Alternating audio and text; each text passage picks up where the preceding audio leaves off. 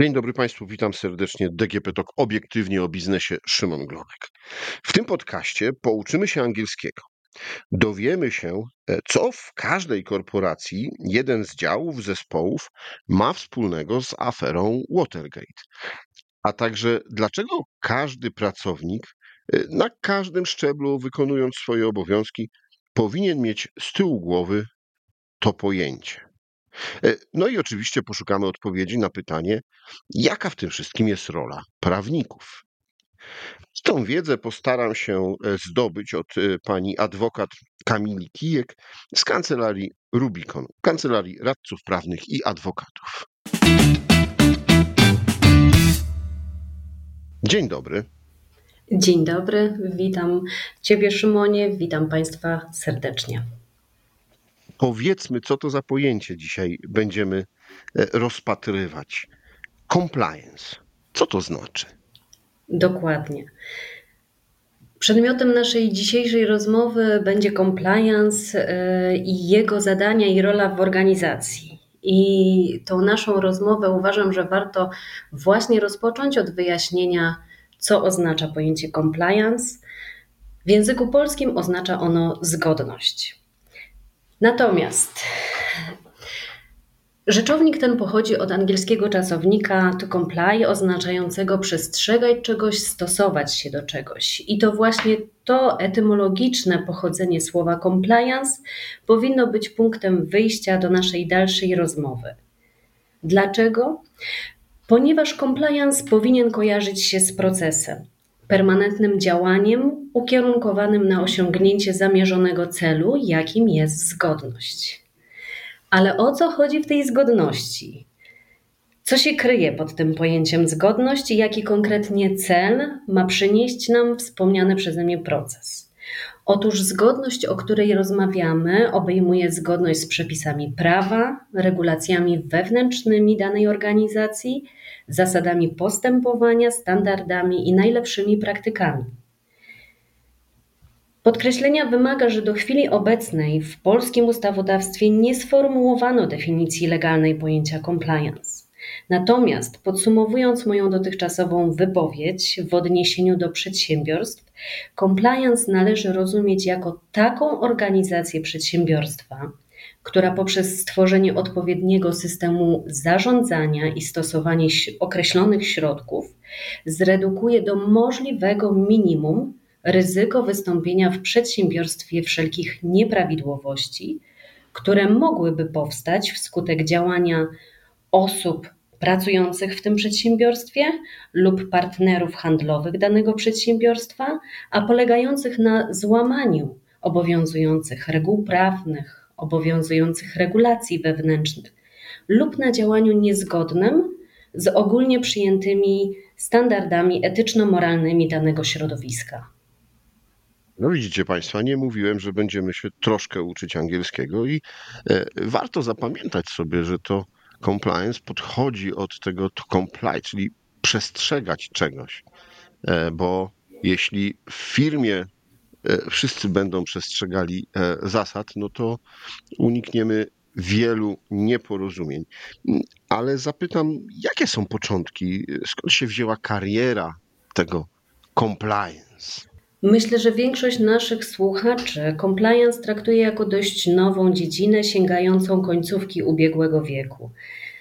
I zresztą ja sama, zaczynając swoją przygodę z compliance, również miałam takie samo przekonanie. Dlatego też warto wspomnieć, że pierwsze prawne regulacje w dziedzinie compliance sięgają lat 80. XIX wieku. Te regulacje powstały w Stanach Zjednoczonych i dotyczyły uregulowania na poziomie prawa federalnego transportu kolejowego, jak również wprowadzeniu pierwszej ustawy antymonopolowej. Nosiła nazwę ustawa Shermana. Następnym ważnym punktem na osi czasu rozwoju dziedziny compliance pozostaje afera Watergate i podjęte w następstwie jej ujawnienia działania legislacyjne zorientowane na walkę z korupcją. To właśnie w efekcie tych działań powstała pierwsza międzynarodowa regulacja, a mianowicie Konwencja o zwalczaniu przekupstwa zagranicznych funkcjonariuszy publicznych w transakcjach handlowych międzynarodowych. to właśnie ta afera Watergate, która zdeterminowała, zdeterminowała działania e, w Stanach Zjednoczonych, dała asumpt do stworzenia tej konwencji w ramach działań OECD i w ten sposób pier powstała pierwsza regulacja międzynarodowa. Natomiast niezaprzeczalnie prawdziwy rozkwit unormowań z zakresu compliance, z zakresu utrzymania zgodności, przypadł na przełom XX i XXI wieku, a uchwalane regulacje koncentrowały się głównie na ryzykach rynku finansowego. To y, widzicie Państwo, wcale y, nie mi zbyt E, w zbyt wybujały sposób nie powiedziałem, że tutaj e, wiele działów, czy w wielu korporacjach dział, zespół e, do spraw compliance ma coś wspólnego z aferą Watergate, no bo to są takie mocne początki, może nie, nie pradzieje typu XIX wiek, kiedy można znaleźć pierwsze informacje, ale jednak to tamte amerykańskie wydarzenia, które zdominowały politykę nie tylko amerykańską, ale i na całym świecie, e, wpłynęły na to, że teraz korporacje i wielkie e, firmy, może które nie nazywamy korporacjami międzynarodowymi, no ale starają się przestrzegać e, właśnie tej poprawności i mieć tą zgodność. Ale tak naprawdę, jeśli byśmy przyjrzeli się i zastanowili, po co na dzisiaj w takim codziennym życiu, dlaczego każdy pracownik powinien mieć z tyłu głowy w swoich działaniach, które wykonuje w pracy, no właśnie to pojęcie compliance. Czyli tak naprawdę powinniśmy spróbować odpowiedzieć na pytanie, po co nam ten compliance. I tutaj warto jeszcze na chwilkę wrócić do tego rysu historycznego, a to po to, żeby pokazać, że te pierwotne regula regulacje compliance stanowiły reakcje na pewne działania niepowołane, które nosiły znamiona swoistych nadużyć. Zatem compliance od samego początku dążył do zminimalizowania ryzyka wystąpienia naruszenia, czy to przepisów prawa, czy to regulacji wewnętrznych, czy też przyjętych standardów, po to, żeby negatywna sytuacja więcej się nie powtórzyła. Wszystkim nam na pewno bardzo dobrze znane jest sięgające czasów starożytności powiedzenie lepiej jest zapobiegać niż leczyć, przypisywane Hipokratesowi. I uważam, że właśnie ta maksyma obrazuje prawdziwe oblicze compliance. System compliance ma właśnie zapobiegać powstawaniu niezgodności, aby nie, nie było konieczności ponoszenia jej konsekwencji przez organizację. Historia... No tak, ale mamy taki. Tak. Mhm, ale ja tutaj przerwę na chwilę, bo mamy taki, e, taki odbiór compliance, że to utrudnia życie, że oni wymyślają, e, że przecież łatwiej by było. No to, to po co to? Rzeczywiście odbiór, początkowo odbiór compliance bywa niezbyt pozytywny, może tak się wyra wyrażę delikatnie mówiąc. Natomiast tak naprawdę od samego początku każdy z nas porusza się, porusza się według jakichś reguł postępowania. Kiedy jesteśmy dziećmi, reguły te dyktują nasi rodzice. Kiedy zaczynamy etap szkolny, dokładają się do tego e, instytucje e, edukacyjne. Cały czas człowiek postępuje według jakichś reguł, ponieważ wyznacza mu to określony kierunek prawidłowego zachowania, prawidłowej postawy. System compliance pełni dokładnie tę samą funkcję, czyli on ma nam określić, jak mamy postępować. I tak naprawdę z punktu widzenia pracownika, ponieważ compliance dąży do tego, żeby to ująć, sformułować w sposób klarowny, precyzyjny, w sposób pozwalający na zapoznanie się z tym każdego, kogo to powinno dotyczyć, to ten compliance powinien pracownikowi tak naprawdę pomagać. I to należałoby zrozumieć. Compliance tworzy jasne reguły postępowania, zasady, których trzeba przestrzegać, żeby być w zgodności i żeby firma pozostawała e, w zgodności. A jakie są skutki tej niezgodności, tego nieprzestrzegania compliance? Jeżeli chodzi o podstawowy skutek niezgodności, to jest utrata reputacji przez przedsiębiorstwo.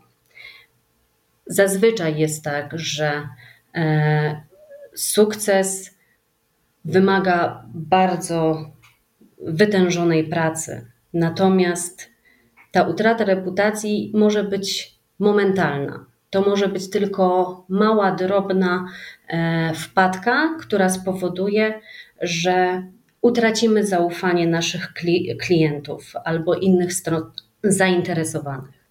Kolejnym aspektem, kolejną negatywną konsekwencją braku zgodności są straty finansowe, które mogą doprowadzić do tak naprawdę braku płynności finansowej przedsiębiorstwa.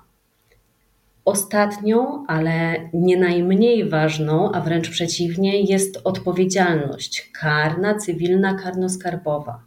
I tutaj w kontekście tej odpowiedzialności e, trzeba podkreślić, że to nie jest tylko odpowiedzialność e, karna w kontekście danej osoby, czyli mamy tutaj na uwadze osoby, które zarządzają, stanowią kadrę zarządzającą e, w danym przedsiębiorstwie.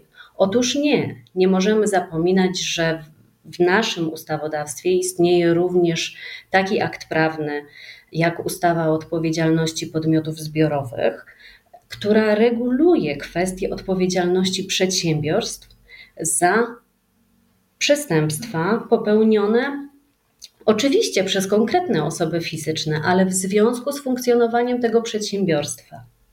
I co więcej, co chciałabym, żeby wybrzmiało też, jakby podnosząc rangę tego prymatu utrzymania zgodności, e, ważności compliance, to jest to, że mamy zaprojektowaną zmianę ustawy o odpowiedzialności podmiotów e, zbiorowych, która w istotny sposób zmienia nam konsekwencje karne, jakie mogą być zastosowane w stosunku do przedsiębiorcy, a mianowicie wysokości kary finansowej, jaka, jaka może być orzeczona.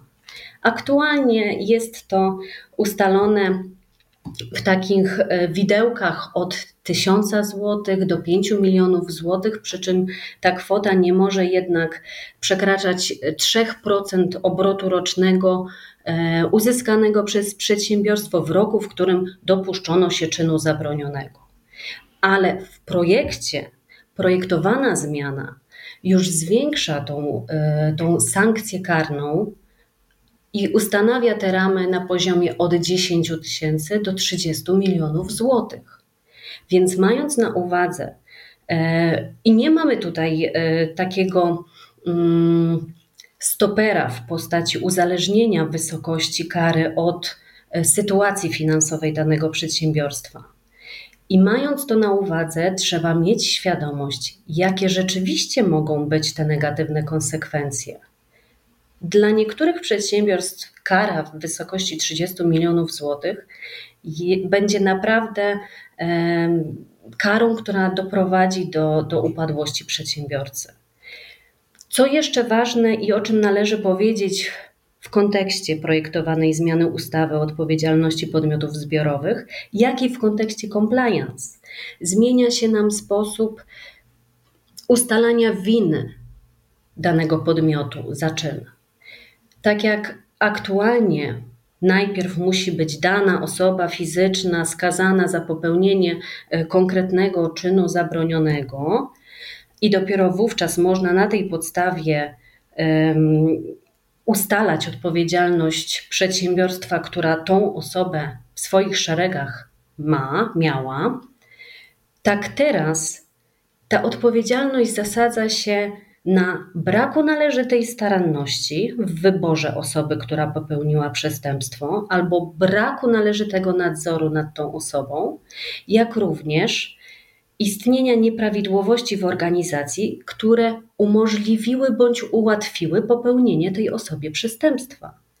To naprawdę diametralnie zmienia obrót sprawy, a jakby odwołując się do tej należytej staranności, to właśnie tutaj wchodzi na pierwszy szereg jako walka z tym compliance, bo to compliance stwarza nam procedury, które mają wykazać, mają być naszym dowodem na to, że my e, podjęliśmy starania w celu zminimalizowania ryzyka nadużycia.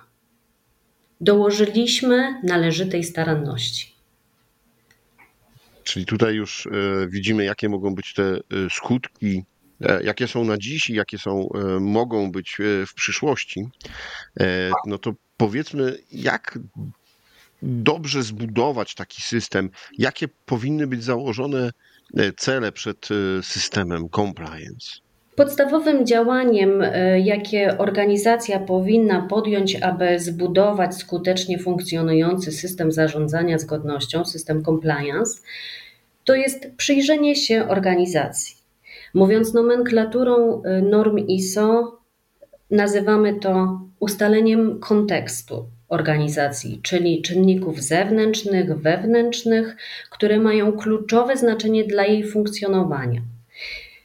Kiedy ustalimy już sobie te czynniki, możemy myśleć o tym, jakie, z jakimi zagrożeniami dla funkcjonowania naszej organizacji możemy mieć do czynienia.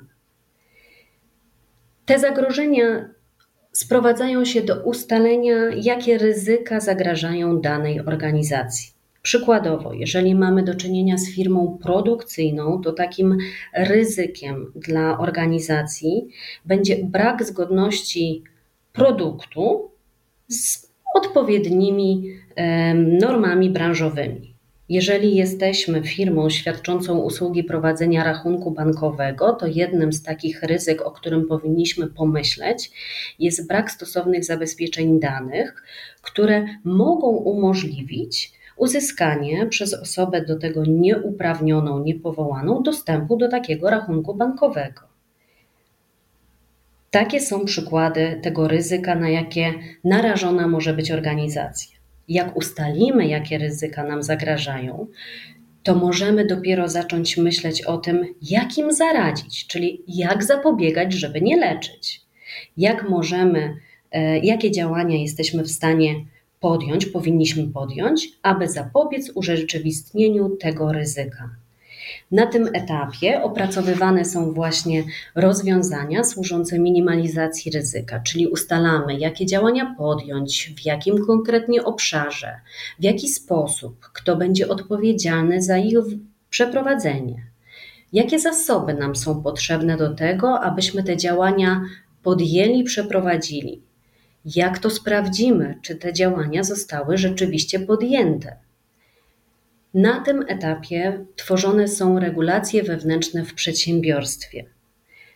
Kolejnym krokiem jest wdrożenie tych opracowanych regulacji w organizacji, czyli zakomunikowanie wdrożenia regulacji wewnętrznej przez kadrę zarządzającą, zapoznanie z procedurą wszystkich, wszystkich pracowników, wszystkie osoby zainteresowane oraz odpowiednie przeszkolenie pracowników, żeby oni, pomimo tego, że zapoznają się, przeczytają jakąś procedurę, to żeby oni wiedzieli, jak rzeczywiście działać zgodnie z jej postanowieniami. Samo wdrożenie regulacji wewnętrznych nie jest końcowym etapem w systemie compliance, ponieważ te wprowadzone rozwiązania, te nasze środki, jakie podejmujemy w celu minimalizacji ryzyka, powinny być przetestowane co do tego, czy rzeczywiście są przydatne i czy rzeczywiście są skuteczne. Jeżeli okaże się, że opracowany przez nas sposób minimalizacji ryzyka wystąpienia zdarzenia niepowołanego powinien być zmieniony, ponieważ nie funkcjonuje poprawnie, nie jest skuteczny, czyli nie zapobiega materializacji ryzyka, czy też stał się nieaktualny, bo na przykład zmieniło nam się prawo, to należy wprowadzić stosowne zmiany. Skuteczny system zarządzania zgodnością powinien funkcjonować w cyklu Deminga, to znaczy w cyklu, w cyklu Plan, Do, Check, Act. Zaplanuj, wykonaj, sprawdź, zastosuj. Mówimy tutaj o cyklu, co też wskazuje na to, że opisane powyżej działania powinny być stale prowadzone. Ten proces nigdy się nie kończy. Działamy w kole. Jed z jednego działania przechodzimy w drugie i tak nieustająco. No to powiedzmy sobie, e, jaka w tym e, jest rola kancelarii prawnych? Przede wszystkim, jeżeli bierzemy pod uwagę zgodność z prawem, kancelaria jest ogromnym wsparciem w monitoringu legislacyjnym. Kancelaria może dla przedsiębiorcy stanowić pomoc w celu śledzenia planowanych zmian, tak aby organizacja była już wcześniej poinformowana o tym, co nastąpi z odpowiednim wyprzedzeniem, żeby mogła się do tych zmian przygotować, żeby mogła właśnie sprawdzić, czy istniejące regulacje będą odpowiednie dla e, nowej rzeczywistości prawnej, czy też należy je zmienić i wtedy wdrożyć określone działania. Kolejnym elementem, w którym kancelaria prawna może e, tutaj pomagać przedsiębiorcy, to jest identyfikacja ryzyka prawnego. Skoro prawnicy e, znają prawo, wiedzą, jakie będą, jaki jest stan obecny, jaki będzie stan przyszły, to też służą e, swoją pomocą w aspekcie oceny, czy dane rozwiązanie, które przedsiębiorca proponuje, które, y, które jest w jego założeniu, czy one będzie zgodne z obowiązującym prawem, albo też czy będzie odpowiadał temu prawu w przyszłości. Może to sygnalizować. Kolejnym elementem opracowywanie dokumentów wewnętrznych, polityk, procedur. Tutaj chyba nikt lepiej nie zrobi tego niż e, prawnik, tak naprawdę, ponieważ on wie, co w takich dokumentach powinno się znaleźć, jakie poszczególne elementy, żeby taka procedura czy polityka rzeczywiście funkcjonowała prawidłowo. Kancelarie mogą też służyć pomocą e, w szkoleniach, w szkoleniach pracowników czy w szkoleniach kadry zarządzającej. Jeżeli to są materie związane z ryzykiem prawnym, to również nie ma bardziej kompetentnych osób, które wprowadzą w zagadnienie, pokażą rzeczywiste ryzyko i pokażą też, dlaczego warto jest podjąć określone działania, żeby to ryzyko minimalizować. Pokażą konsekwencje. Państwa, zaczęliśmy tak trochę frywolnie nawet, e, ale y, myślę, że dokładnie wybrzmiało to w naszej rozmowie, jak ważny jest prawidłowy system compliance w firmie e, i e, dlaczego warto naprawdę poważnie przyjrzeć się tematowi e, i wdrożyć go, zadbać o to, żeby wszyscy pracownicy na każdym szczeblu znali te zasady, bo to pomaga uniknąć e, straty zaufania, e, pomaga uniknąć problemów karno-skarbowych, e, czy odpowiedzialności karnej, czy cywilnej, no ale też wpływa pozytywnie, jeśli chodzi o postrzeganie przez akcjonariuszy, przez klientów firmy, więc może to się tylko i wyłącznie dobre skonstruowanie compliance mm, pozytywnie przełożyć na działalność firmy. Mm, dziękuję bardzo za rozmowę. Dziękuję również. Moim i Państwa gościem w podcaście DGP Talk Obiektywnie o Biznesie była adwokat Kamila Kijek z kancelarii Rubikon, kancelarii prawny, radców prawnych i adwokatów. A rozmawiał Szymon Glonek. Do usłyszenia.